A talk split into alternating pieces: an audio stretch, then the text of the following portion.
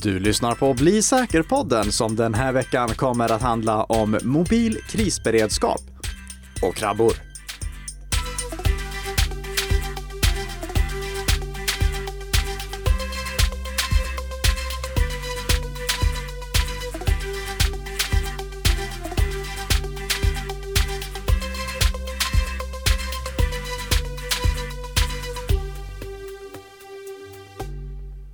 Morgon, god morgon Tess från Bredband2. Men god morgon Nicka från Nicka Systems. Och där fick vi med båda eh, bolagen som producerar den här podden tillsammans som varje vecka gör dig lite säkrare. Mm, Eh, Bredband2 är ju en eh, internetoperatör det är vi. och vi ska prata lite om en mobiloperatör i det här avsnittet. Och jag tror att Precis. alla kan lista ut vilken det är. Eh, Men vi har ju några snabbisar som vanligt som vi måste gå in på först innan vi hoppar in på veckans huvudämne som då alltså är mobil krisberedskap och vad man ska tänka på om en krissituation inträffar. Men ehm, vi ska se, det, det, vi hade fått in några kommentarer på ett tidigare avsnitt såg jag. Ja, eh, om eh, krypteringsavsnittet. Mm. Eh, och då har vi fått Hej! BitLocker defaultar till kryptering med inbyggda krypteringen i SSDN och då blir det inte säkert.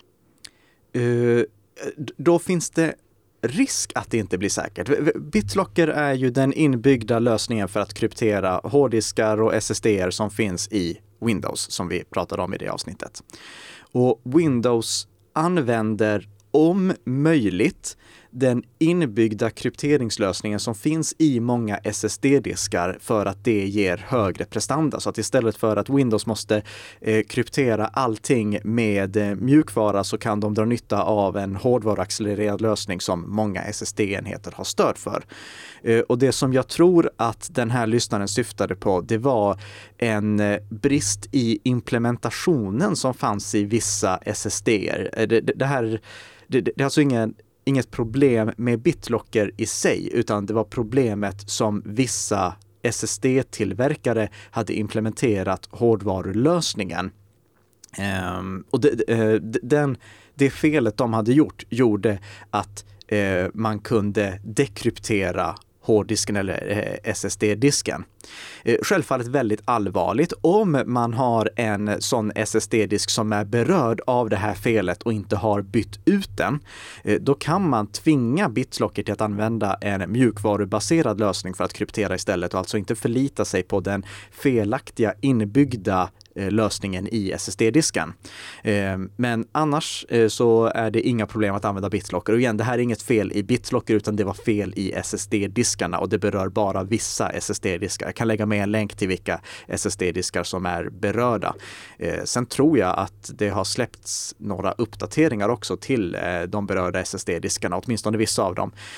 Jag lägger med länkar till det i show notesen. Men igen, inget problem med BitLocker i sig. Och vill man använda en SSD-disk som inte har åtgärdats och som har den här säkerhetsbristen, då kan man tvinga BitLocker att använda mjukvara istället. Mm.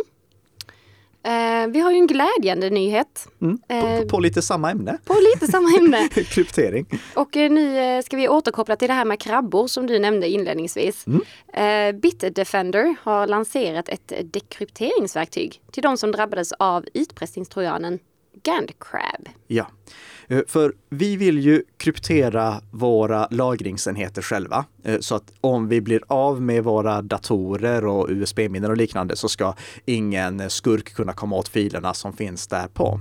Men vi vill definitivt inte att en eh, angripare ska kryptera alla våra filer och sen kräva en lösensumma för att vi ska få dekryptera och komma åt dem igen.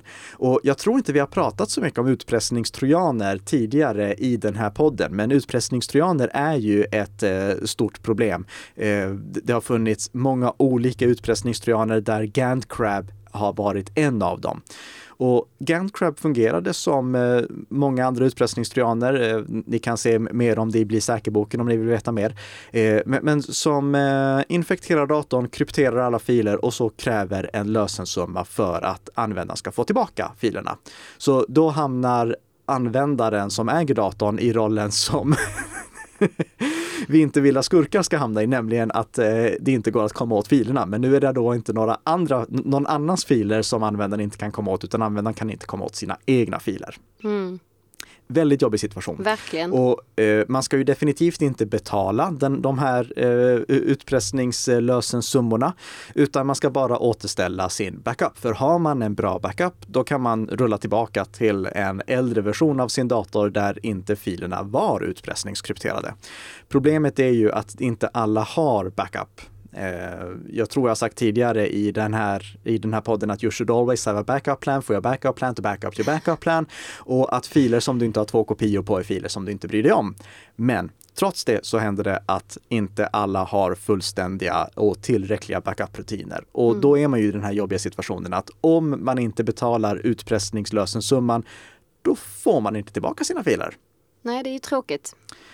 Och normalt sett så ska man tänka att filerna då har gått förlorade för all evig framtid. Det utgår från det. Men det har hänt att de som har gjort de här utpressningstrojanerna har slarvat. Precis som SST-tillverkarna hade slarvat så har även de som eh, gjort utpressningstrojaner slarvat. Och då har ibland säkerhetsforskare upptäckt att, ah, titta, så här kan vi dekryptera eh, eh, eh de eh, utpressningstrojanskrypterade filerna.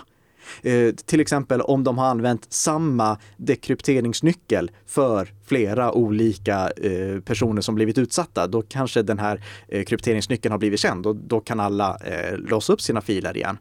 Eh, och det, det, som Bitdefender har gjort här tillsammans med Europol, det är de har eh, lyckats ta kontroll över servrar som eh, eh GantCrab-utpressarna har använt och därigenom kunna få tag i flera olika nycklar, alltså många olika personer vars datorer har blivit utpressningskrypterade har eh, Bitdefender och Europol lyckats komma åt nycklarna som krävs för att kunna låsa upp de här eh, utpressningskrypterade filerna. Mm.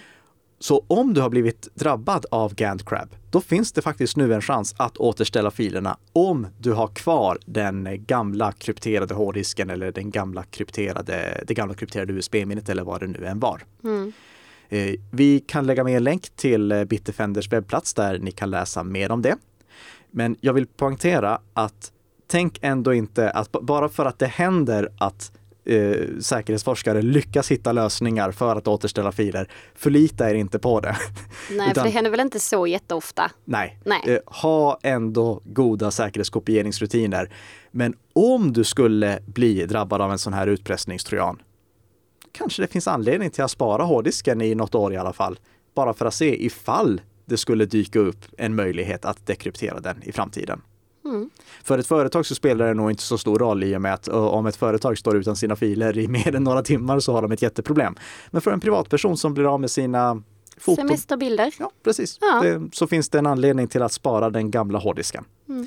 Men bäst av allt är såklart att ha dubbla säkerhetskopior på allting som du bryr dig om. Så skulle du bli drabbad av en sån här utpressningstrojan så kan du bara säga FU till de här utpressningskrypterarna och återställa din backup. Ja. Ehm, ska vi glida vidare till veckans huvudämne? Mm. Ja, och vi ska ju prata om mobil krisberedskap. Ja. Och det är ju med anledning av det som har hänt under veckan. Mm. Då eh, mobiloperatören Tele2 har fått lite problem. Eller lite, men eh, en hel del kanske. Det var mycket problem. Mycket där, problem. Eh, och det resulterade bland annat i att eh, Nickas favoritradioprogram Ring P1 nej, fick nej, ställa nej, in. Nej, nej, nej, nej. Du, du, får inte säga att det är mitt favoritradioprogram. Jag står inte ut med det. Jag, jag, jag, jag imponeras över Emanuel Karlsten och Teppas och de andra som orkar ta emot de här samtalen. Okej, okay, jag lyssnar på P1, ja, Ring P1 ibland. Men, ja. Mm. ja, men det är bra. Ja. Men eh, ja, och sen så var det även svårt att komma fram till liksom, företag och vårdcentraler. Men ja. än värre också att personer inte kunde komma fram till SOS Alarm. Eh, ja, det, inte riktigt. Det, problemet eh, var att eh, eh, d- de som hade till exempel Tele2s företagsväxel eh, som eh, Sveriges Radio hade till Ring P1 och som eh, eh, de även hade till eh, trafikinformationen. Så det gick inte att ringa in och be- berätta om eh, trafikproblem. Mm. Eh, där var det Tele2 på, på mottagarsidan som var problemet.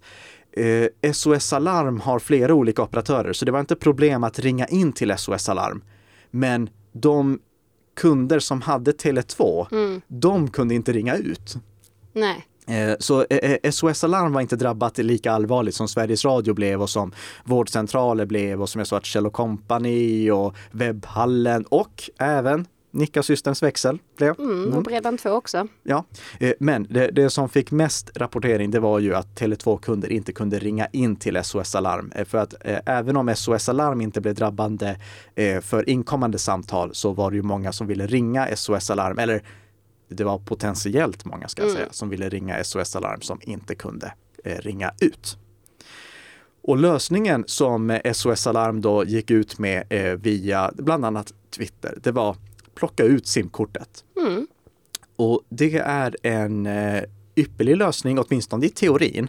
För även om du inte har ett simkort i din mobiltelefon så kan du alltid ringa nödnumret under förutsättning att någon operatör har täckning. Så, så länge som det finns någon operatör i omgivningen som har täckning så kan du ringa nödnumret även om du inte har ett simkort eller även om du inte har pengar på ditt kontantkort. Det, det går ändå alltid att ringa.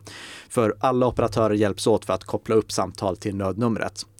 Men i och med att det var problem eh, hos Tele2 och deras eh, lösning för den traditionella telefonin så kunde inte Tele2 koppla fram sina samtal till nödnumret och lösningen var då att plocka ut eh, simkortet så att man kunde ringa via någon annan operatörsnät. Mm. Men det är ju i sig inte helt enkelt på moderna mobiltelefoner. Nej, och jag tänker om du är i en nödsituation också så kanske inte det är så att du har med dig det här lilla utma- utmatnings... eh, I alla fall nu pratar jag om Apple framförallt då. Ja, men- när det gäller Android-mobiler också. Ja. Det, förr i tiden så var det bara att plocka av baksidan på mobilen, plocka ut Mm. batteriet och där satt simkortet. Nu så måste du ju ha ett litet, litet spetsigt föremål eh, som du trycker in i det här lilla, lilla hålet för att mata ut släden där simkortet sitter. Mm. Och i en nödsituation så kan jag tänka mig att det är många som inte har det. Jag har en sån på nyckelknippan, eh, men det är för att jag växlar simkort på daglig basis när jag håller på att testa olika saker. Så Mm. normala personer har troligtvis inte det. Nej, jag har inte det. Nej. Nej. Eh, och det är ju då jobbigt får man Mm. säga. Men, men jag, jag skrev ett eh, li- li- litet tips för man kan mata ut med många andra saker också.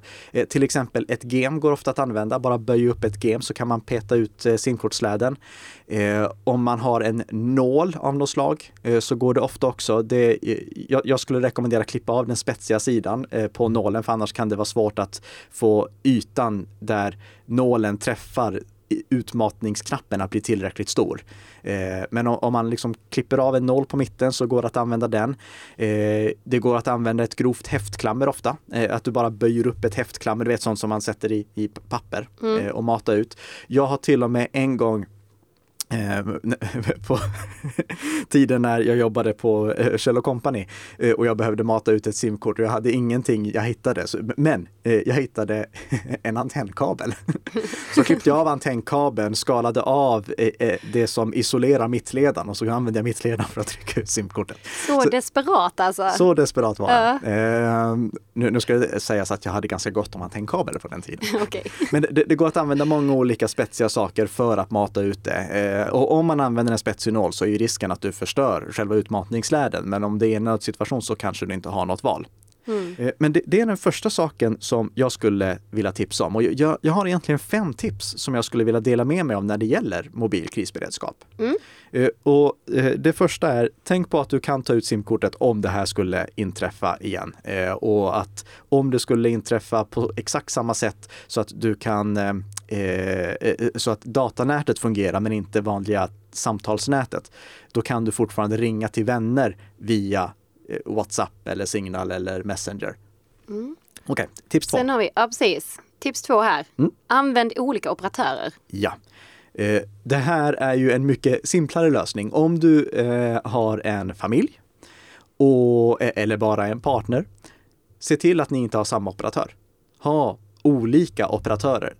För det är ju inte säkert att det bara är samtalsnätet som går ner. Datanätet kan också gå ner. Och då är det bra att ni har olika operatörer så att om den enas operatör inte fungerar så fungerar kanske den andras.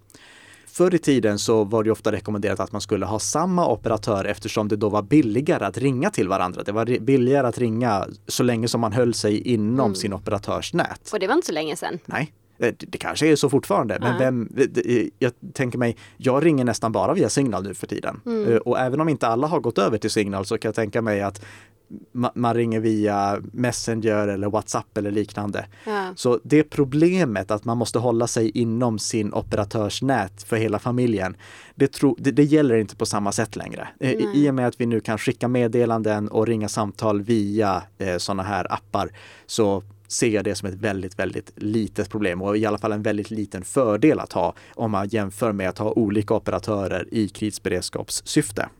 Mm.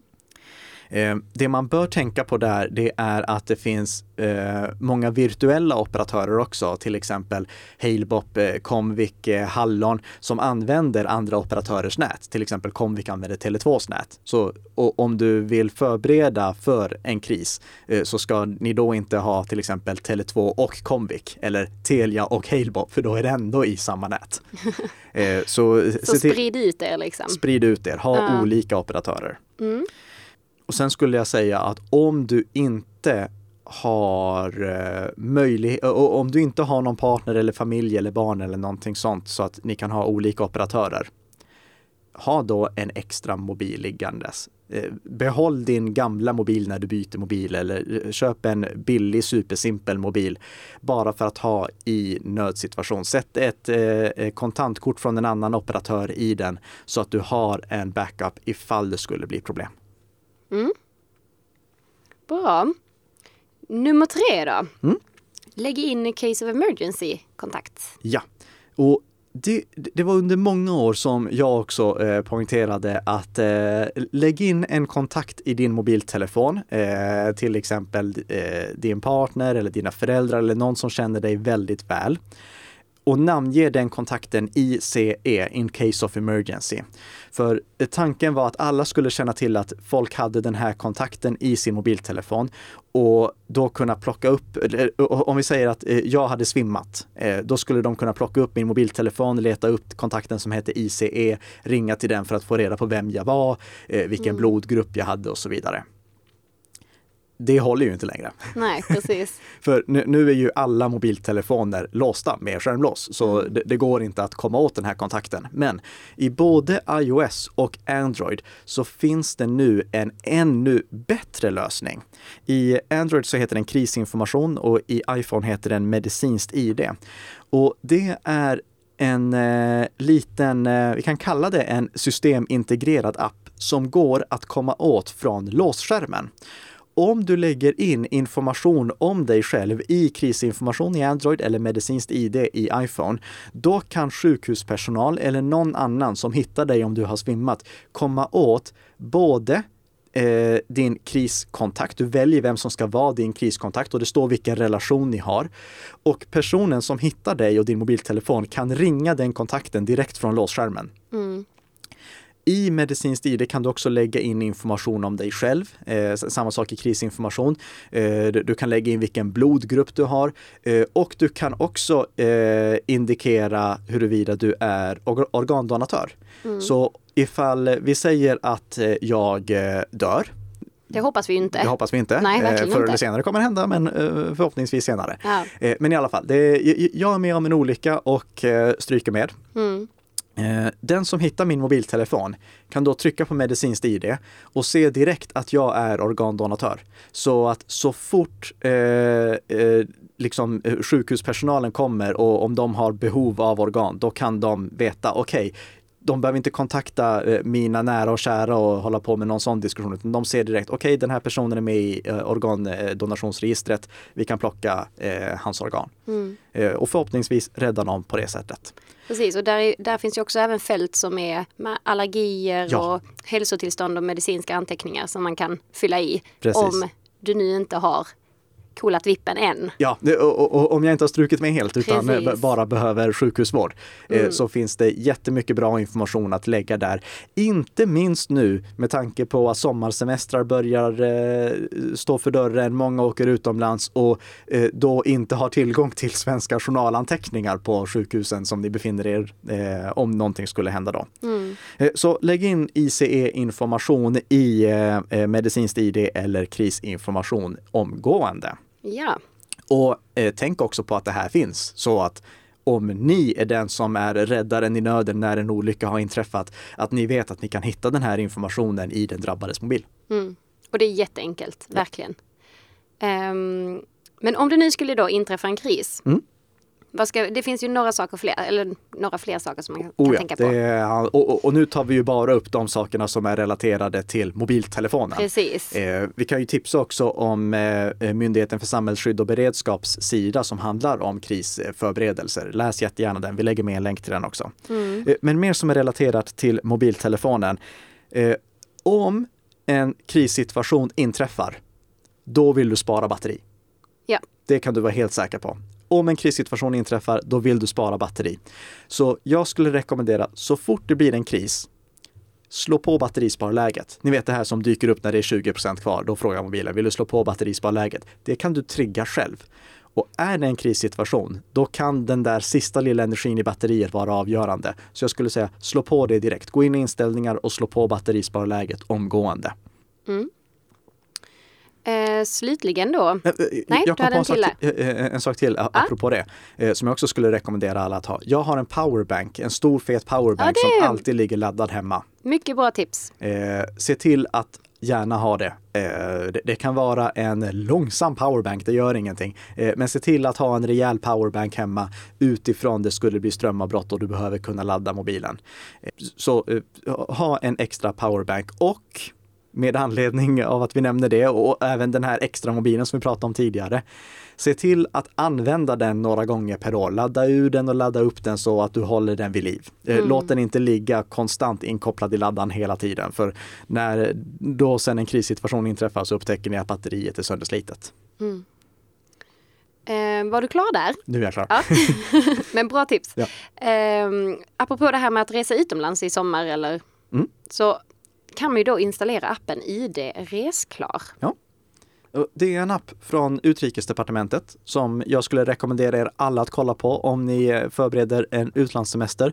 Där kan ni om ni vill lägga in information om er utlandsvistelse så att ambassader och liknande kan eh, eh, veta var ni befinner er och hur de ska kontakta er utifall det skulle inträffa en krissituation i landet ni befinner er eller eh, av någon annan anledning ni skulle behöva bli kontaktade. Så lägg jättegärna in den, eh, eh, den appen.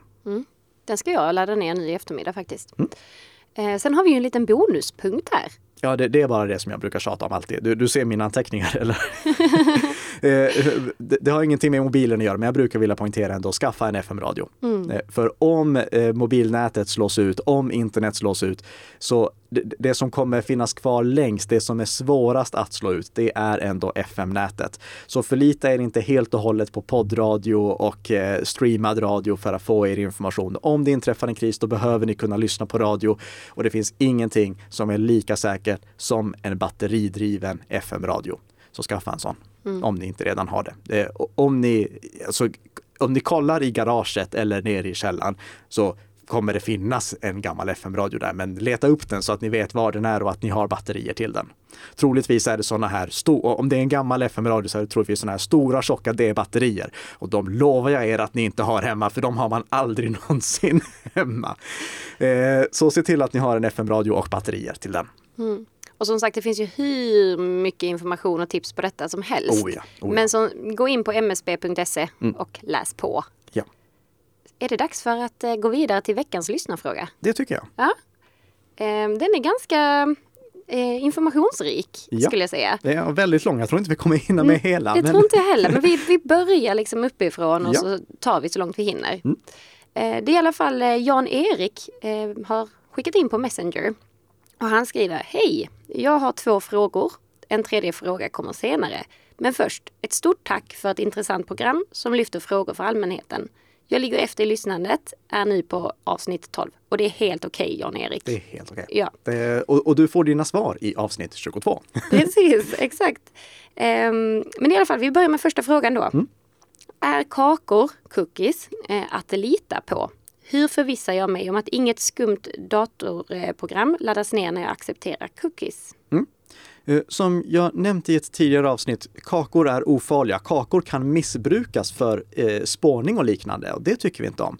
Eh, eh tycker inte vi. Det tycker inte jag om, ska vi säga. jag ska inte lägga ord i andras mun. Eh, men kakor i sig är ofarliga, det är bara textfiler. Eh, när du besöker en webbsida, då laddas kakor ner som bara är textfiler, helt ofarliga, på precis samma sätt som bilder laddas ner och som Eh, eh, webbsidan i sig laddas ner. Allt det laddas ner till din dator. Men det är ofarliga saker i och med att de inte är program som kan exekveras. Det är inte någonting som kan infektera din dator. Så du behöver inte vara orolig för kakor eller bilder eller eh, webbsidor i sig ur infektionssynpunkt. Eh, mm. Um, hade du med på den? Nej. Nej, då kör vi nummer två här. Mm. Uh, har lyssnat uh, på podden angående VPN och säker uppkoppling. Ja, och vi, uh, vi kommer ju ha ett eget avsnitt om VPN också. Vi, vi har ju bara ja. nämnt VPN. Vi måste nog ha det här VPN-avsnittet. Jag tror det, vi säger det varje gång. ja. Det kommer snart i alla fall. Mm. Um, men han har då liksom följande fråga eller önskemål om förtydligande. Så vi bör, han har liksom delat in detta i A, B, C, D, E. Mm. Så vi får se hur många vi hinner med här. Eh, vad är det för skillnad om det bara är HTTPS eller hänglås plus HTTPS? Ingen. Nej. Det, äh, hänglåset, det, det låsta hänglåset är en indikation på att anslutningen sker över en säk, äh, att det är en säker anslutning, en HTTPS-anslutning. Mm. Eh, B. Om jag har ett telefonabonnemang med god bandbreddstäckning och fri surf är det ju möjligt att lämna de öppna och osäkra wifi-uppkopplingarna wifi och använda telefonen som brygga. Eller finns det någon hake med att surfa via telefonen? Nej. Här har jag ju varnat många gånger för att man inte ska använda publika wifi-nät för att publika wifi-nät lätt kan kapas. Eh, mobiluppkopplingar kan också kapas, mm. eh, men det är mycket, mycket svårare. Okay. Eh, så eh, jag brukar rekommendera att man om möjligt använder sin mobil för att surfa på nätet eller för att koppla den till datorn och låta datorn surfa på mobilnätet istället för att surfa via privata, eh, förlåt, eh, via publika wifi-nät. Mm. Eh, och om man använder publika wifi-nät så ska man använda en VPN-tjänst, men det kommer vi till. Eh, går mobilnätet att kapa? Ja, det gör det. Eh, är det sannolikt? Mycket mindre sannolikt än att någon kapar en wifi-anslutning. Mm. Eh, då kör vi del C här nu. Mm. Är jag utomlands och utanför EU kan det vara lämpligt att skaffa ett lokalt simkort. Många länder erbjuder simkort med mycket bra bandbredd och till ett mycket prisvärt eller som är mycket prisvärt. Finns det någon hake med att använda lokala simkort jämfört med det svenska? Nej. Nej. Det, det gör det inte. Eh, åker du till Kina möjligtvis eh, för att eh, om eh, du använder ett kinesiskt simkort i din eh, mobiltelefon så kommer du att eh, endast ha tillgång till kinesiska tjänster. Eh, men, men på det stora hela, nej. Är, eh, när jag åker till USA och behöver ha kopiösa mängder data i och med att jag ska kunna ladda upp film och allt möjligt sånt, då skaffar jag också ett lokalt kontantkort bara för att kunna ladda upp då går vi vidare. Mm. Hur kontrollerar jag min uppkoppling när jag använder olika appar såsom BankID, BankApp med flera? Där syns ju inget hänglås eller HTTPS. Och det är ju, eh, jag får säga att här har Apple och Google misslyckats lite. För när man använder appar, då finns det inte någon lika tydlig indikator på huruvida din anslutning är säker eller inte som det gör när du är i webbläsaren. Mm. Och det hade, jag hade verkligen efterfrågat att det på något sätt indikerades huruvida anslutningen var säker eller inte. Det här problemet är lyckligtvis övergående. För precis som jag eh, sa i förra avsnittet tror jag det var, att nu är nästan all trafik, eh, nu sker nästan all trafik över säkra anslutningar på webben. Så det är liksom standard med ett hänglås. Eh, vi har kommit ännu längre i appsammanhang. Om en utvecklare vill lägga upp en app i App Store idag som inte uteslutande använder säkra anslutningar, då måste den utvecklaren definiera det undantaget och berätta varför det inte är säkra anslutningar. Mm. Annars tillåts inte den appen. Så Apple försöker liksom se till att alla appar utan undantag använder säkra anslutningar. För det finns ingen situation då det det, det, det, finns ingen anledning att inte stödja säkra anslutningar. Uh, nu har jag inte utvecklat riktlinjerna för eh, Android i huvudet, men senast jag kollade eh, så eh, var åtminstone all användarinformation, alltså om du loggade in, eh, om, eh, om du angav användarnamn och lösenord, det var tvunget att ske över säkra anslutningar också. Så man kan väl säga som så här att om du litar på appen då behöver du inte oroa dig för huruvida den stöder säkra anslutningar eller inte. Om du inte litar på appen, då ska du oavsett vad inte ange någon känslig information där i. Mm. Mm. Eh, då hinner vi nog med sista också här. Ja. Finns BankID med eh, biometrisk kod eller är det alltid sifferkod? Eh, det är alltid sifferkod, men du kan komplettera med biometrisk inloggning via eh, fingeravtryck eller ansiktsigenkänning för att slippa knappa in koden. Men det, är en kod som ligger i bakgrunden i alla fall. Det, din, ditt ansikte eller ditt fingeravtryck är ett komplement till det som bara gör att du slipper slå in koden. Mm. Och du kan själv välja i BankID-appen huruvida du ska kunna eh, godkänna inloggningar med biometrisk inloggning och huruvida du ska kunna använda ansikte och fingeravtryck för att också eh, signera saker, till exempel signera en transaktion. Mm. Mm. Så äh, vi hann igenom hela hans fråga. Ja, jättebra ja. frågor Jan-Erik. Bra uppföljningsfrågor. Eh, mm. Och som tack för eh, att du skickade in det här så får du såklart också Bli säker-boken. Så den skickar jag med posten hem till dig. Och om du som lyssnar på den här podden har en bra fråga som du vill att vi ska ta upp så passa på att skicka in den via sociala medier eller ja, precis där du kan få kontakt med oss. Så kan det vara du som får Bli säker-boken som tack för att du bidrog med en bra lyssnar fråga. Mm. Och eh, det är ju ändå eh, det är en speciell dag idag. Just det. Vi, Eller vi, inte idag. Ja, vi, vi, vi ja. spelar in det här på onsdagen. Men när Men ni lyssnar på det här. Ja, precis. Det är ju midsommar. Då är det midsommar. Ja, så glad midsommar. Glad midsommar.